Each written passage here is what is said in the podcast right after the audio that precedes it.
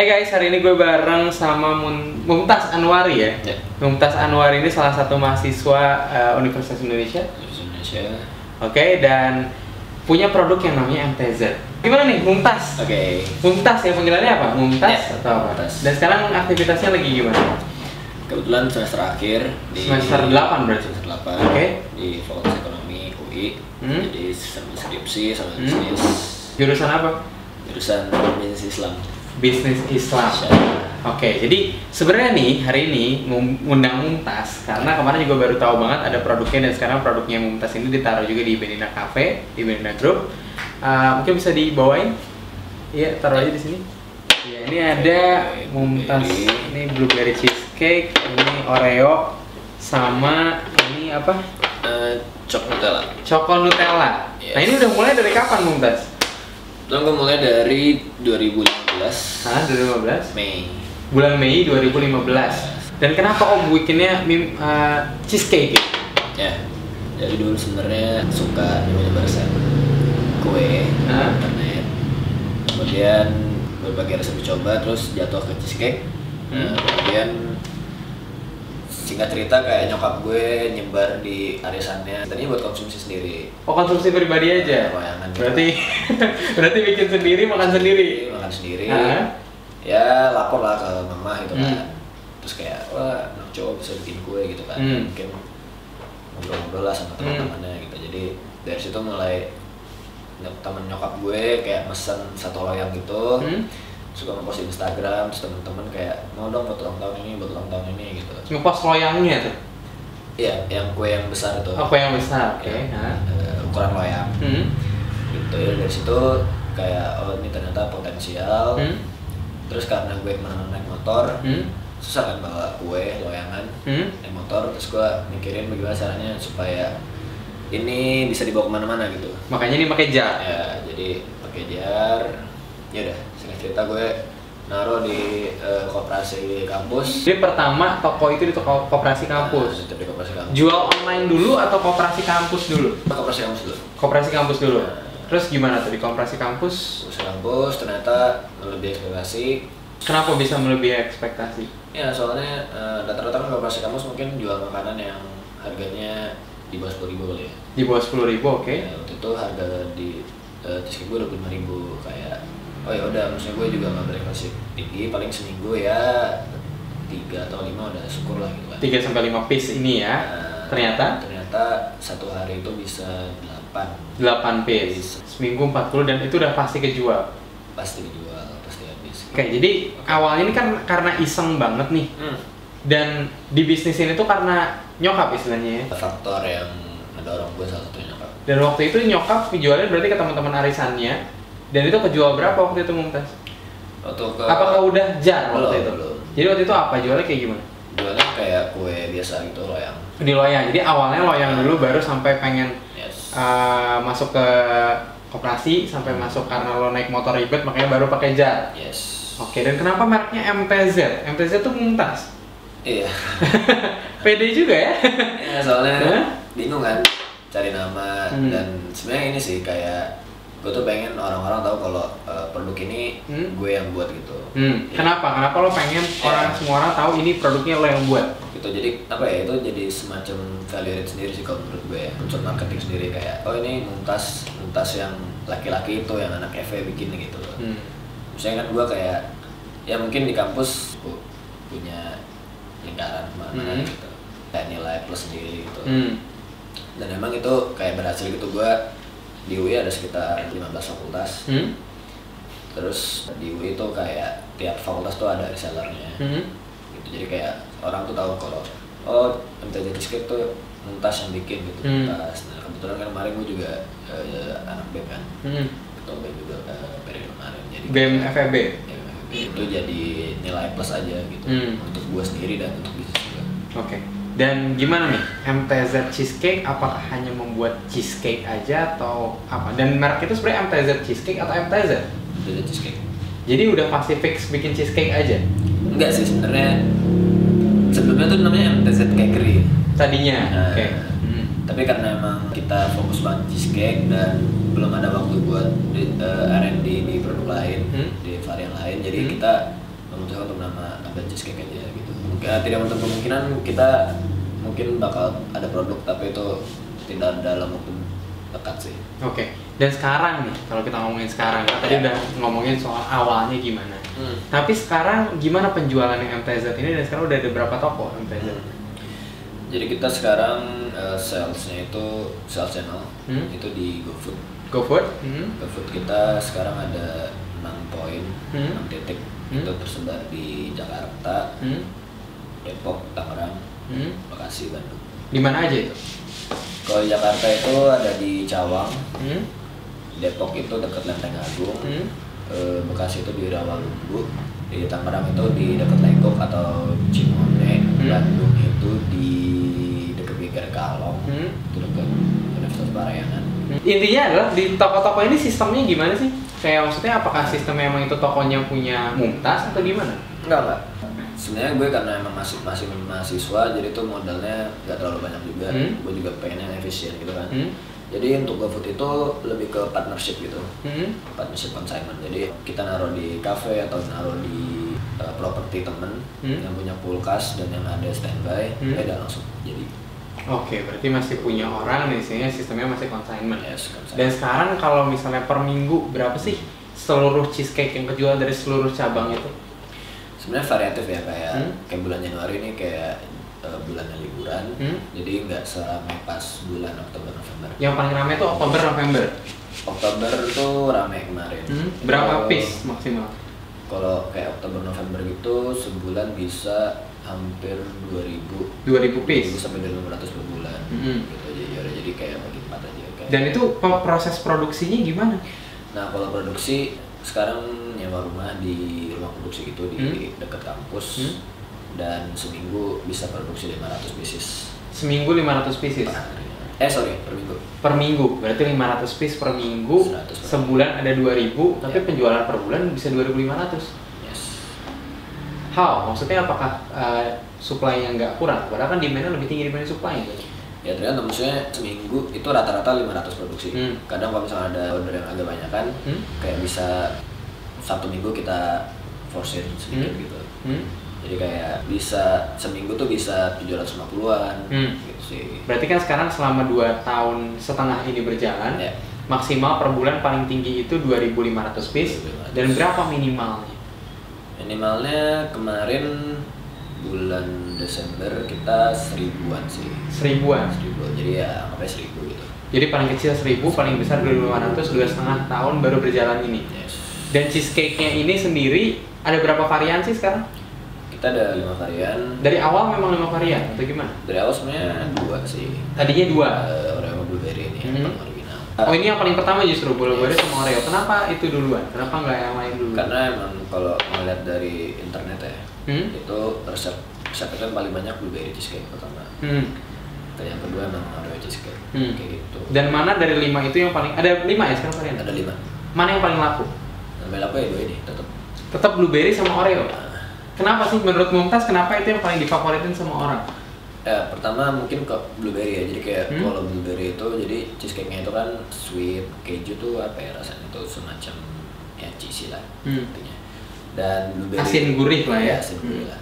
Terus eh, blueberry-nya itu sour kan. Hmm? Gitu, jadi kayak perpaduan antara sour sama manis tuh emang orang-orang mungkin cenderung lebih suka. Hmm. Gitu dan kalau Oreo ya sekarang apa ya orang sangat suka dengan Oreo gitu. Hmm. Apa apa pun yang berbau dengan Oreo pasti orang kayak punya uh, interest lebih lah. Hmm. Tuh. Dan ini udah dari kapan sih yang varian-varian lain selain ini tuh dari kapan? Nah, kalau misalkan Red Velvet itu Hmm. gue uh, sesimpel ngikutin tren pasar. Hmm?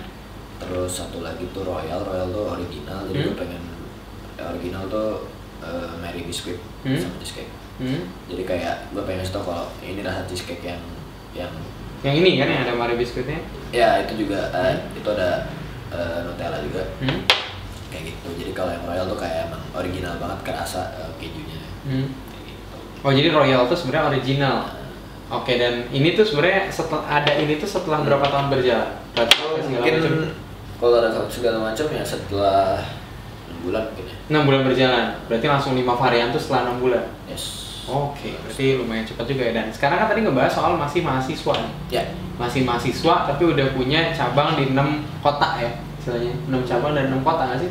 empat kota. 4 kota, 6 cabang. Nah, eh, apakah pembuatannya semuanya di satu rumah produksi ini terus dikirim ke sana sini atau atau di Bandung misalnya deh? Paling jauh Bandung ya berarti ya. Nah, di Bandung tuh apa produksi di sana atau gimana? Kalau Bandung sebenarnya enggak sih kita tetap antar Produksi dari sini diantar ke sana. Nah, Naik apa diantarnya? Naik mobil dan sebulan sekali diantarnya. sebulan sekali. Sebulan sekali diantar naik mobil ke Bandung. Dan kota mana yang paling banyak pem- pembeliannya dari seluruh cabang-cabang? Tetapnya sih Cawang Jakarta. Cawang paling besar. Nah, karena itu kayak eh, demografinya mungkin kantor-kantor, Hmm. kemudian perumahan. Berapa persen penjualannya? Maksudnya adalah eh, kan tadi 100 persennya kan 2.500 paling peaknya nih. Hmm. Kira-kira di Cawang tuh berapa persen sih dia sampai dia paling banyak? Kalau Cawang mungkin bisa 30 mungkin ya. 30 persen itu didominasi sama Cawang. Dan yang mana yang paling sedikit? Yang paling sedikit tuh di eh, Tangerang. Tangerang. Kenapa? Tangerang. Soalnya eh, kebetulan lokasinya nggak terlalu apa ya, nggak terlalu center ke kota Tangerang banget. Hmm. Jadi agak pinggiran gitu. Hmm? Dan itu bermasalah dengan 25 kilonya Gojek atau gimana? Iya, bisa dibilang gitu kayak eh, di situ perumahan agak jauh dari perumahan. Hmm? Jadi marketing di Tangerangnya emang lagi agak kurang gitu, nggak se segencar di Jakarta. Oke, ngomongin strategi marketing, apakah sekarang hanya menggunakan Instagram aja atau gimana? Dari awal emang Instagram ya? Dari awal eh, mouth to mouth, Hmm? Terus Instagram. Hmm. Tapi kalau sekarang udah eh, mulai coba kayak eh, marketing call, pakai Hmm. email, Email ke siapa tuh? email ke perusahaan-perusahaan. Untuk menawarkan cheesecake-nya? Yes, kemarin kebetulan pas bulan Oktober itu kita dapat order eh, 1000 pieces Hmm? buat rumah sakit RS Premier Bintaro. Hmm? Mereka ada anniversary gitu. Hmm? Ada SMA swasta di Jakarta Barat, National Hmm? High School, dia Hmm? pesan 400 untuk kayak eventnya gitu. Jadi kayak kita ngeliat di situ ada potensi untuk eh, perusahaan-perusahaan atau institusi ya yang pengen apa punya event. Jadi kita bisa tawarin diskon kita dengan harga yang agak miring gitu. Oke, berarti email marketing sama Marketing. call marketing itu lebih efektif kah dari Instagram? Hmm, sebenarnya untuk untuk efektivitas itu belum kita riset sih, Hmm. gitu. Tapi kalau eh, yang efektif itu memang lewat Instagram kita coba paid promote Hmm? ke akun-akun eh, kuliner. Hmm. Dari situ cukup efektif. Kalau dari semuanya nih, yang paling menguntungkan tuh sebenarnya channel marketing yang mana sih? Kalau Kalau untuk produk cheesecake Nah. kan food ya. sebenarnya kalau menguntungkan ya kalau dimonetize ya. Hmm. Sebenarnya kan kalau marketing itu kalau menurut gue semacam investment ya. Hmm? Investment yang eh, tidak kasar mata gitu. Hmm. Tapi kalau misalkan emang harus di convert ke uang di monetize itu mungkin paid promote Hmm? ke akun-akun yang emang uh, segmented Tepat sasaran Nah, ya. kayak kuliner atau Dibanding melakukan email marketing dan phone call. Nah, iya karena gue baru banget baru banget bulan kemarin sih coba Hmm. marketing call gitu jadi kalau emang di monetize paid promote ke yang segmented Hmm. kayak akun kuliner atau akun akun mahasiswa Hmm. kayak kita coba kerja sama buat fundraising Hmm. atau bahasa kampungnya dan nusan gitu Oke. Bahasa kampung ya. Yes. Dan Nusantara. Oke. nah, kalau ini sendiri, Hmm. ini sekarang gimana keadaannya? Apakah Mumtaz punya berapa karyawan sih atau foundernya itu Mumtaz doang berarti sendiri? foundernya gue sendiri Karyawannya gimana? karyawannya sekarang gue kalau karyawan semacam yang tetap ya Hmm. partnership itu Hmm. Tiga orang Tiga orang ini karyawan tetap, tetap dan posisinya apa aja? satu satu semacam operasional Hmm? eh, dua lagi produksi Dua lagi produksi. Oke, dan mereka berarti digaji per bulan. Tiga juga dulu. gitu. Dan ini kan kalau bisa dibilang perusahaan yang masih uh, skalanya kecil lah ya, istilahnya sangat. belum mempekerjakan banyak orang. sangat kecil Dan um, Mikro. ap- mikro ya, Iya. istilahnya mikro ya. Oke. Nah, apakah pekerja-pekerja ini sudah digaji sesuai UMR atau gimana? Ya kebetulan kalau yang pertama itu eh, operation ya Hmm? operation itu teman kuliah gue Hmm. dia itu Yang waktu itu nganterin ini ke sini ya? oh iya itu Iya, itu ya. Namanya Hmm? bisa dibilang gue hire jadi co-founder Hmm. nah dia itu gue janjikan 30% Itu saham atau profit? 30% itu profit 30% profit. Berarti dia tidak punya kepemilikan atas perusahaan ya? tidak Cuma jadi co-founder. yes Oke, berarti co-founder itu belum tentu punya kepemilikan usaha ya? tapi gue gue posisikan seperti itu Hmm. kayak dia gue posisikan untuk memiliki bisnis gue Hmm. tapi tetap kayak eh, asetnya tetap dia nggak mau nggak mau dia nggak mau mem- memiliki aset gue gitu Hmm, jadi dia hanya mengambil dari profit sharingnya Ya, aja. jadi kalau emang Hmm. secara material ya Hmm. itu mungkin bukan co-founder Hmm. tapi secara responsibility secara imaterial itu gue anggap sebagai co-founder Oke. tanggung jawab jadi besar kecilnya rupiah yang bisa diambil itu berdasarkan kinerja dia 30% 30% profit share dan itu Yes. dibagi per bulan. bulan. Dibagi per bulan. Oke. Nah, untuk ke depannya nih, apakah MTZ hanya menjadi perusahaan yang cheesecake aja atau akan menjadi cakery lagi tadi mungkin banyak cake? Dan apakah Mumtaz akan membuka chance untuk co-founder yang memiliki saham MTZ juga? Kalau untuk MTZ sendiri mungkin akan fokus di MTZ Cheesecake aja Hmm. di produk cheesecake mungkin. Tapi kalau untuk eh, pribadi gue sendiri, gue memang ada beberapa project yang lagi Hmm. jalan. Hmm, apa tuh? gue sedang merintis sebuah website, Hmm. sebuah marketplace gitu Hmm. untuk vendor-vendor acara. Hmm? Apa itu nama marketplace-nya? Vendor, double O. Oh, vendor. Yes. Oke. Jadi bacanya gimana? Vendor. Oke. Bacanya tetap vendor ya walaupun O-nya dua. Nah, itu lagi ongoing, lagi Hmm. kita lagi vendor, Hmm. kemudian lagi mulai coding juga. Hmm? Satu lagi eh, gue mau coba eh, apa namanya? Vendornya tuh vendor apa sih? vendor acara, alat-alat, alat-alat, kemudian Oh, kayak oke. kayak sound system equipment, terus Oke. kemudian catering dan sebagainya. gitu. Oke. Dan satu lagi eh, gue mau buka buah kering, Hmm? Buah kering. buah kering, Apa tuh buah kering? buah kering, buah dikeringin. Buah dikeringin udah. Iya, jadi Dan akan di packaging Eh, packaging seperti ini lagi atau gimana? tahu Zanana ya? Iya, Zanana iya ya, pakai banana ya dia. Ah, Zanana pakai banana, Hmm. bukan pakai mango. Oke. Belum kali ya. Iya. Hah? Jadi kalau dia kan eh, apa ya produknya lebih ke chips kan, Hmm. keripik gitu. Tapi kalau eh, gue mau udah mulai ngerintis yang apa ya buah-buahan yang bukan chips tapi lebih ke dehydrated itu candied. Candied Hmm. itu semacam apa ya? Tahu manisan mangga, Hmm. tahu manisan nanas yang Hmm. kayak permen Ya. te- te- teksturnya cewek gitu, ciwi. Jadi eh, itu gue pengen, pengen ke arah situ. Hmm. Tapi ya sambil skripsi, sambil MTZ, sambil vendor juga, jadi kayak mesti bagi fokusnya gitu, gitu sih. Dan kenapa sih makanan gitu? Apa karena emang lo suka bikin makanan? Ya karena makanan itu unlimited ya, uh, needs ya.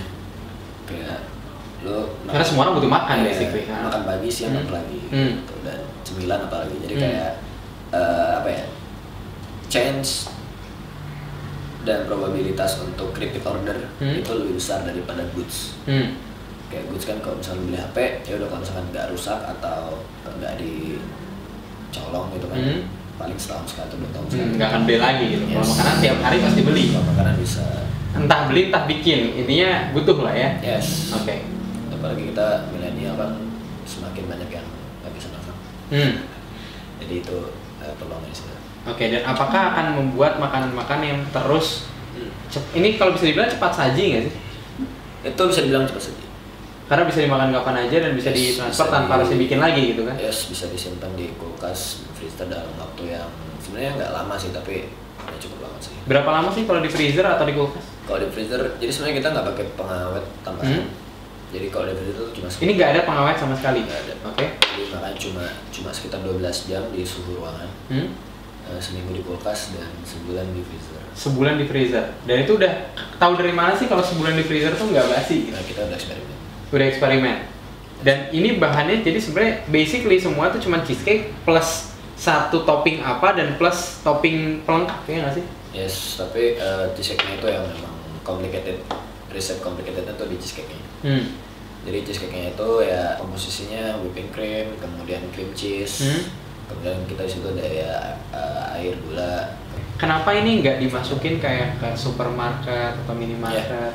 Uh, itu lagi ongoing. Hmm? Lagi Jadi mau plan ke depannya ke sana? Nah, jadi kita uh, udah mikirin buat sertifikasi kesehatan. Hmm? Itu jadi gua kayak udah namanya PIRT itu Hmm? semacam B- B- BPOM, Hmm? Tau kan. Tapi kalau PIRT itu untuk industri rumahan. Hmm?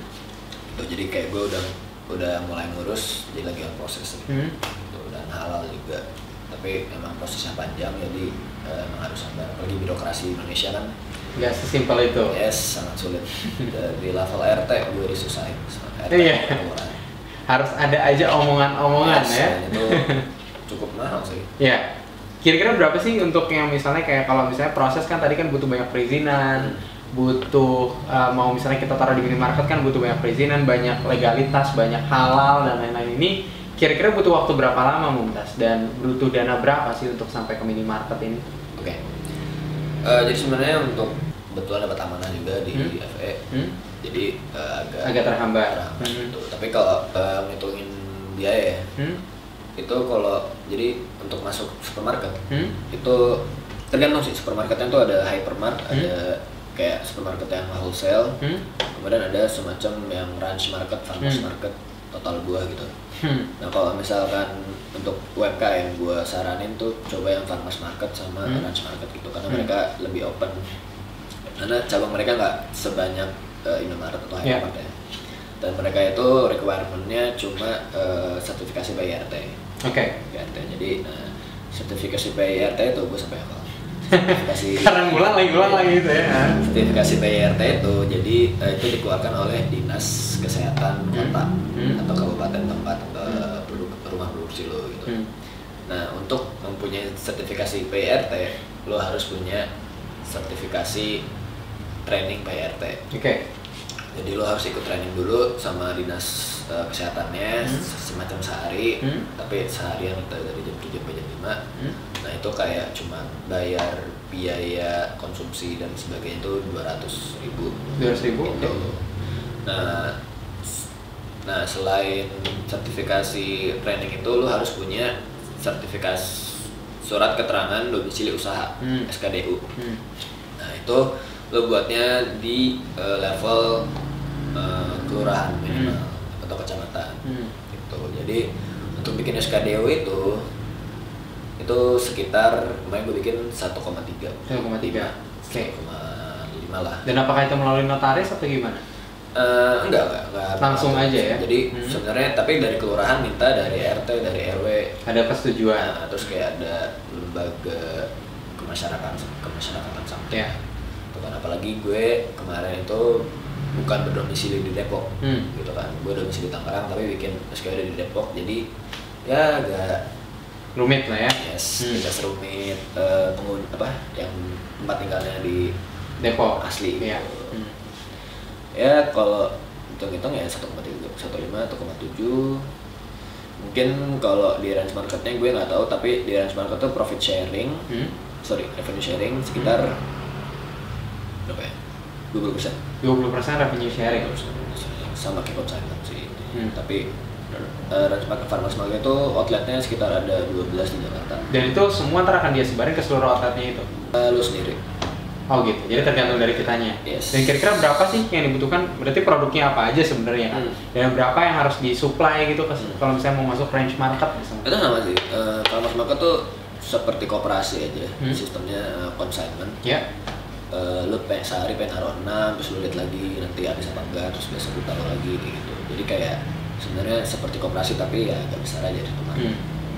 Oh gitu. Jadi dibanding misalnya pengen ke Indomart atau Yes. Alfamart dulu lebih mending ke farmers market atau range market atau total buah juga termasuk berarti. total gua bisa eh, soalnya kalau misalkan Indomaret atau Hyper ya Hmm. itu gue baca baca riset itu lu sistemnya sewa sewa rak Oh, jadi bedanya bukan consignment lagi sewa nih. shelf yes Oke. sewa shelf itu kayak like satu satu m Hmm. kemudian Itu untuk di seluruh Ya. shelfnya, di seluruh maksudnya di seluruh uh, outletnya mereka. Eh, tergantung sih ada yang eh, mungkin satu provinsi atau Hmm. berapa tapi gue lupa mungkin ya anggap aja satu m itu satu provinsi ya. Hmm. kayak gitu terus eh, perputaran uangnya juga agak terhambat karena eh, si pihak eh, retailernya itu Hmm. Ke lo ngasih bagiannya lo itu enam bulan sekali Hmm. itu jadi untuk Berarti eh, lumayan lama ya, untuk mengambil keuntungannya. jadi untuk UMKM kayak kita kita yang masih ingusan Hmm. mending coba dulu koperasi-koperasi yang ya kampus-kampus dekat rumah atau kalau pengen advance sedikit terus supermarket. Jadi berarti sebenarnya fokus utamanya pemasaran ini dan penempatannya itu koperasi dan ke koperasi yang lebih besar lagi. Yes. Fokusnya itu dulu sampai koperasi yang besar udah dapat, baru mungkin ke retailer-retailer seperti Alfamart, Indomart dan lain-lain. Hmm, yang terakhir enggak sih sebenarnya. Yang terakhir tidak ke mana? tidak preferable. Yang mana? Kalau terakhir ya sebenarnya oh kalau terakhir tuh mungkin gua punya impian ya, Hmm? punya punya role model tuh seperti Puyo mungkin. Jadi punya outlet sendiri. Yes, punya outlet sendiri di eh, mall atau public places gitu. Nah, tapi kenapa sih misalnya kayak bisnis kayak Puyo gitu kan, atau bisnis kayak login ini bikin MTZ, kenapa milih outlet sendiri dibanding taruh aja di Alfamart? Ya. Kenapa sih? Tadi tuh yang gue bilang eh, pertama karena mungkin eh, keputaran uangnya ya, Hmm. itu enam bulan sekali. Jadi Iya. kayak lo mungkin nombokin eh, COGS lo sendiri Iya. sampai enam bulan, terus Hmm. kayak ya tidak liquid kan selama enam bulan. Iya. Gitu dan mungkin sewa rak itu satu miliar eh, mungkin tidak apa ya RO ROI-nya Hmm. rate on return on investment-nya Hmm. kayak nggak worth it gitu sih. Iya. Jadi kayak lo punya Mendingan bikin outlet sendiri walaupun model di awalnya lumayan tapi ini ya. Iya. Lebih menjanjikan dan kita bisa nge-track tiap hari. gitu. Iya, dan itu kayak apa ya eh, freedom gitu sih. Hmm.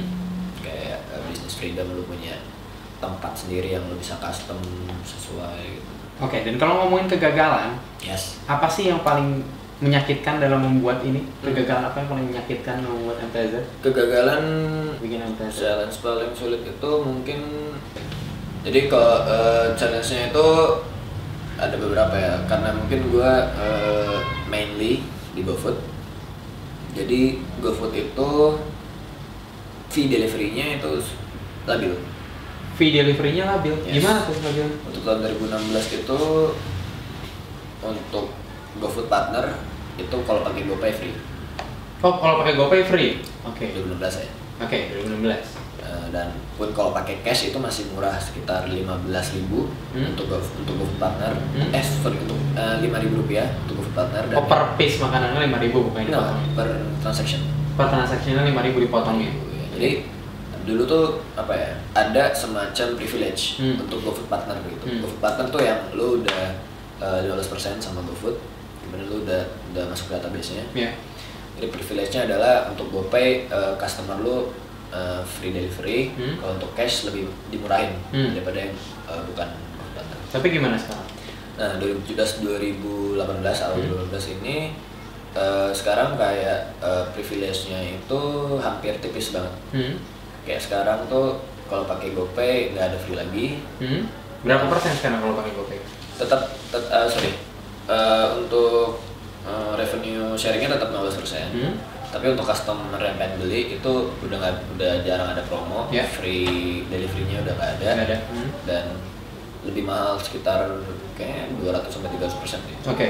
jadi kalau deket tuh eh, dulu tuh jauh dekat 25 km sekitar 5.000 sampai 15.000 Hmm. eh, 10.000 gitu Iya. maksimal sekarang bisa 15.000 sampai 30.000 Jadi sebenarnya kalau dari segi revenue sharing sama-sama 15%. 15%. Cuman ke customernya yang akan dikenakan Yes. jadi lebih tinggi lagi. Hmm, jadi itu yang membuat eh, mungkin sales di GoFood turun Hmm. gitu jadi kayak de- banyak pelanggan gue yang bilang promo dong eh, daily apa ya eh, fee delivery-nya gitu. Hmm.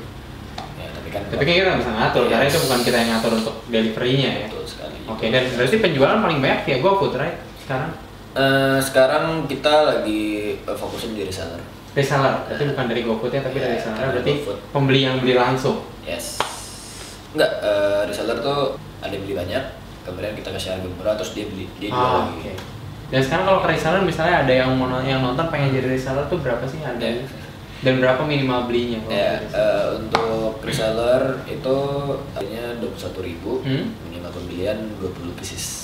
Satunya 21.000 minimal pembelian Iya. 20 pieces. Dari harga retail 26.000. Oke, berarti dari 21.000 itu bisa dijual lagi untungnya 5.000 rupiah. Yes. Atau kalau emang jago bisa jual 30, Hmm? lo bisa dapat margin 9.000 per pieces. 9.000 per pieces. Oke, tapi apakah boleh menjual lebih dari 26.000 ini? Oh boleh. Sangat boleh. Jadi terserah resellernya ya, mau jual berapapun terserah. Yes. Karena siapa saya juga ngatur gitu. Hmm. Masa saya saya hukum nanti. Kalau hukum mau hukum apa? Eh, hukum. Oke. Nah, Oke, next. Selain reseller, apa sih chance kolaborasi yang bisa dimanfaatkan oleh uh, penonton di sini kira-kira? Selain reseller, tadi ada chance lain nggak kalau pengen kerja sama-sama MTZ? Oke, kalau kerjasama mungkin eh, kalau kalian punya event, Hmm? mungkin eh, mungkin eh, antara seminar atau event-event yang lain kita Hmm. bisa kayak eh, ngasih sponsor, Hmm? entah itu kayak kuis berhadiah Hmm. atau eh, makanan berbicara, gitu. Iya. itu bisa eh, email aja ke MTZ CKRI. Berarti nanti MTZ akan ngasih cheesecake-nya gratis untuk si acaranya? Ya tergantung proposal sih. Oke, jadi bikin proposalnya Yes. biasanya gimana sih? Apakah MTZ ngasih Hmm. Cheesecake-nya atau gimana? Atau atau ada bayar lagi untuk cheesecake-nya? Eh, kita lebih suka in kind sih sebenarnya. Lebih suka in kind. Terus eh, Apa tuh maksudnya in kind? In kind tuh kita ngasih barang Hmm. daripada kita ngasih fresh money. Hmm. Gitu. Karena sekalian nge-brandingin MTZ ini sendiri juga kan? Yes. Oke, that's cool. Oke guys, intinya ada nggak tips yang misalnya kayak kan tadi kegagalan yang mumtaz ini sebenarnya bukan dari diri sendiri ya kegagalan ini lebih lebih Eksternal. gedenya tuh dari eksternal gitu dan itu kan hal yang nggak bisa dikontrol gitu sama kita kan dan kita cuma bisa ngikutin peraturan yang ada dan adaptasi sama peraturan tersebut. Nah tapi mumtaz sendiri kalau kegagalan di diri sendiri ada nggak sih untuk membuat ini dan berapa kali sih testing sampai dapet cheesecake ini harusnya kayak gimana? Hmm. Ini sebenarnya kayak eh, resep ini hasil compile sekian belas sekian belas resep. Hmm? Itu kayak gue research and development sendiri sekitar ya sebulan tiga bulan lah. Hmm? Gitu. Berapa kali nyoba? Wah, sering sih sampai gue bosan. sampai bosan tuh berapa Iya, kali kayak udah nggak tahu lagi berapa kali lagi dan jadi nyoba terus makan nyoba makan nyoba makan ya enggak maksudnya gue bikin lo- kue loyangan Hmm. terus gue terus gue cobain Hmm. terus ya udah terus semakin ke sini kayak eh, resepnya semakin improve gitu. Hmm. makin standardized dan makin murah bikinnya Iya kayak dapat supplier yang supplier yang bisa cost efficiency juga gitu. Pernah pengen nyerah nggak sih bikin ini oh enggak. Emang karena dari awal udah enak sih. Pede loh mantap. Dari awal, dari awal enak kayak dan reaksi teman-teman gue tuh Hmm. kayak lebay gitu kan. Hmm. Kayak, gimana sih lebay? "Ya ampun enak banget Tas," gitu kan terus kayak itu, itu cowok apa cewek? Keduanya ada duanya oh, ada ya cowok kayak gitu ya? Oke. banyak. Terus sambil gimana tuh biasanya? Kayak ngebilang kalau langsung atau gimana? Iya, eh, suka kan suka misalnya kalau tester hmm? eh, biasanya teman-teman gue kan kayak ini lemonnya kebanyakan atau ini Hah, lemon? Emang pernah ada lemon? Kalau kalau gue bikin yang bake yang Hmm? dipanggang itu ya. Oh ada, bisa ada lemonnya. Nah, kayak ini agak kemanisan ini agak eh, kurang manis kayak gitu gitu sih biasa Oke, jadi sebenarnya kalau misalnya ada satu hal aja bedanya cheesecake-nya Mumtaz Hmm. sama cheesecake yang lain tuh apa? Eh, Karena banyak yang jual kayak gini kan. sebenarnya yang gue tahu tuh baru satu sih kalau di Instagramnya Di Instagram baru Mumtaz doang. Enggak, enggak. Eh, ada satu kompetitor maksudnya. Hmm. Yang membedakan itu price. Hmm. Satu gua- lebih murah. Ya, satu Hmm. eh, lebih murah dari rata-rata harga cheesecake ini jar Hmm. dan cake ini jar ya. Hmm. Cheesecake, cheesecake ini jar masih jarang sih sebenarnya. Hmm. Kalau cake ini jar tuh sekitar 35 sampai 40 ribu Hmm. ukuran segini. Hmm. Dan sekarang lo bisa dapat 26 ribu atau Hmm. 21 ribu bahkan kalau lebih banyak. Hmm. Yang kedua adalah rasanya. Jadi kayak banyak eh, customer gue yang review enak nih eh, manisnya nggak bikin tenggorokan sakit gitu. Hmm. Jadi emang nggak terlalu manis. Bikin deg-degan ya? Enggak ya? Bikin kasih panado. Oke, berarti lebih manisnya pas. Yes. Harganya pas, kompetitif. Kompetitif dan itu sih emang eh, tagline kita tuh eh, premium but affordable. Premium but affordable. Yes. Oke, dan kira-kira ada tips kira-kira kalau pengen mau mulai bisnis apa pun khususnya di bidang makanan karena mungkin Mumtaz di bidang makanan apa sih yang harus dilakukan pertama? Ya, product is the best marketing tools. Hmm. Kalau ilmu marketing tradisional itu 4P, place, price, product, satu lagi promotion. Hmm. Menurut gue yang paling efek, yang paling eh, efektif itu produk. Hmm. Jadi kalau misalnya produk lu emang enak, Hmm. produk lu worth it dan itu bikin orang suka ketagihan, Hmm. ya bisa dijamin ya bisnis lu bakal lancar lah. Oke. Kayak tanpa marketing yang buang-buang uang juga, eh, insya Allah ada customernya. Oke. Itu uh, mau to morte. Hmm. Tapi kalau misalkan emang produk lu B aja, Hmm. kayak lu harus extra effort B aja tuh biasa aja ya yes Hmm? sorry gue anaknya gaul keren-keren cool gitu kayaknya ya biasa aja Eh, ya kalau misalkan biasa aja lu eh, harus punya apa ya extra edge value eh, apa ya eh, competitive competitive advantage Hmm. sendiri gitu loh Hmm. gitu jadi yang pertama itu buat produk lo enak dan enaknya tuh enak yang extraordinary. Yang pertama. Yang kedua adalah mulai secepatnya. Target kalau menurut gue kalau misalkan gue jadi kalian yang baru pengen mulai bisnis target pertama yang harus eh, lo achieve itu Hmm. lo harus dapat menjual produk lo. Pertama. Oke. Produk pertama gitu. Jadi eh, secepat mungkin jual secepat mungkin satu produk aja misalkan gini. Hmm. Gue harus bisa jual cheesecake ini secepatnya satu produk ke siapa pun, Hmm. ke teman atau ke kooperasi gitu. Karena dari situ lo nggak, lo jangan jangan terlalu banyak perencanaan, jangan terlalu banyak eh, risk calculating, Hmm. jangan terlalu banyak eh, perhitungan. penting mulai dulu penting mulai dulu. gitu. dan jual dulu Yes, dari situ itu apa ya? Jualan itu adiktif Hmm. apalagi kalau lu udah eh, apa ya cukup laku gitu Hmm. adiktif kemudian kesalahan itu bisa diperbaiki nanti gitu kan gue berbisnis itu nggak kayak sorry Hmm. berbisnis itu nggak kayak UN ya Hmm. UN misalnya preparationnya banyak preparation banyak terus eh, kesempatannya cuma sekali seumur hidup Hmm. gitu kan bisnis itu kalau menurut gue kesempatannya bisa eh, apa ya kapan aja Hmm. kayak eh, lu gagal di si- lu gagal di poin ini lu bisa eh, remedial selanjutnya gitu. jadi learning by doing gitu. jadi kalau gua enaknya bisnis gitu daripada kuliah atau buat Oke, and um, gimana last but not least nih, uh, kira-kira bisa sharing dari sosial medianya, mungkin orang bisa Oh, ya. follow. website gue di mtzcheesecake.com mtz eh, Mike Tango Zulu Hmm. cheesecake langsung Hmm. .com atau search aja di Instagram mtz cheesecake kemudian ya itu intinya eh, website dan Instagram aja mtz cheesecake mtz cheesecake terus search di Google juga ada sih mtz cheesecake Oke, Mumtaz. Kayak gitu Thanks a lot for coming. Thank you, It's real nice to know you and the business. And ya itu tadi kata Mumtaz, la- last but not least adalah yang penting mulai dulu, yang penting jual dulu satu produk dan produk itu harus punya uh, intinya advantage ya. Kenapa sih produknya lebih bagus dan make sure produknya bisa marketingin produk itu sendiri. Oke, thank you guys.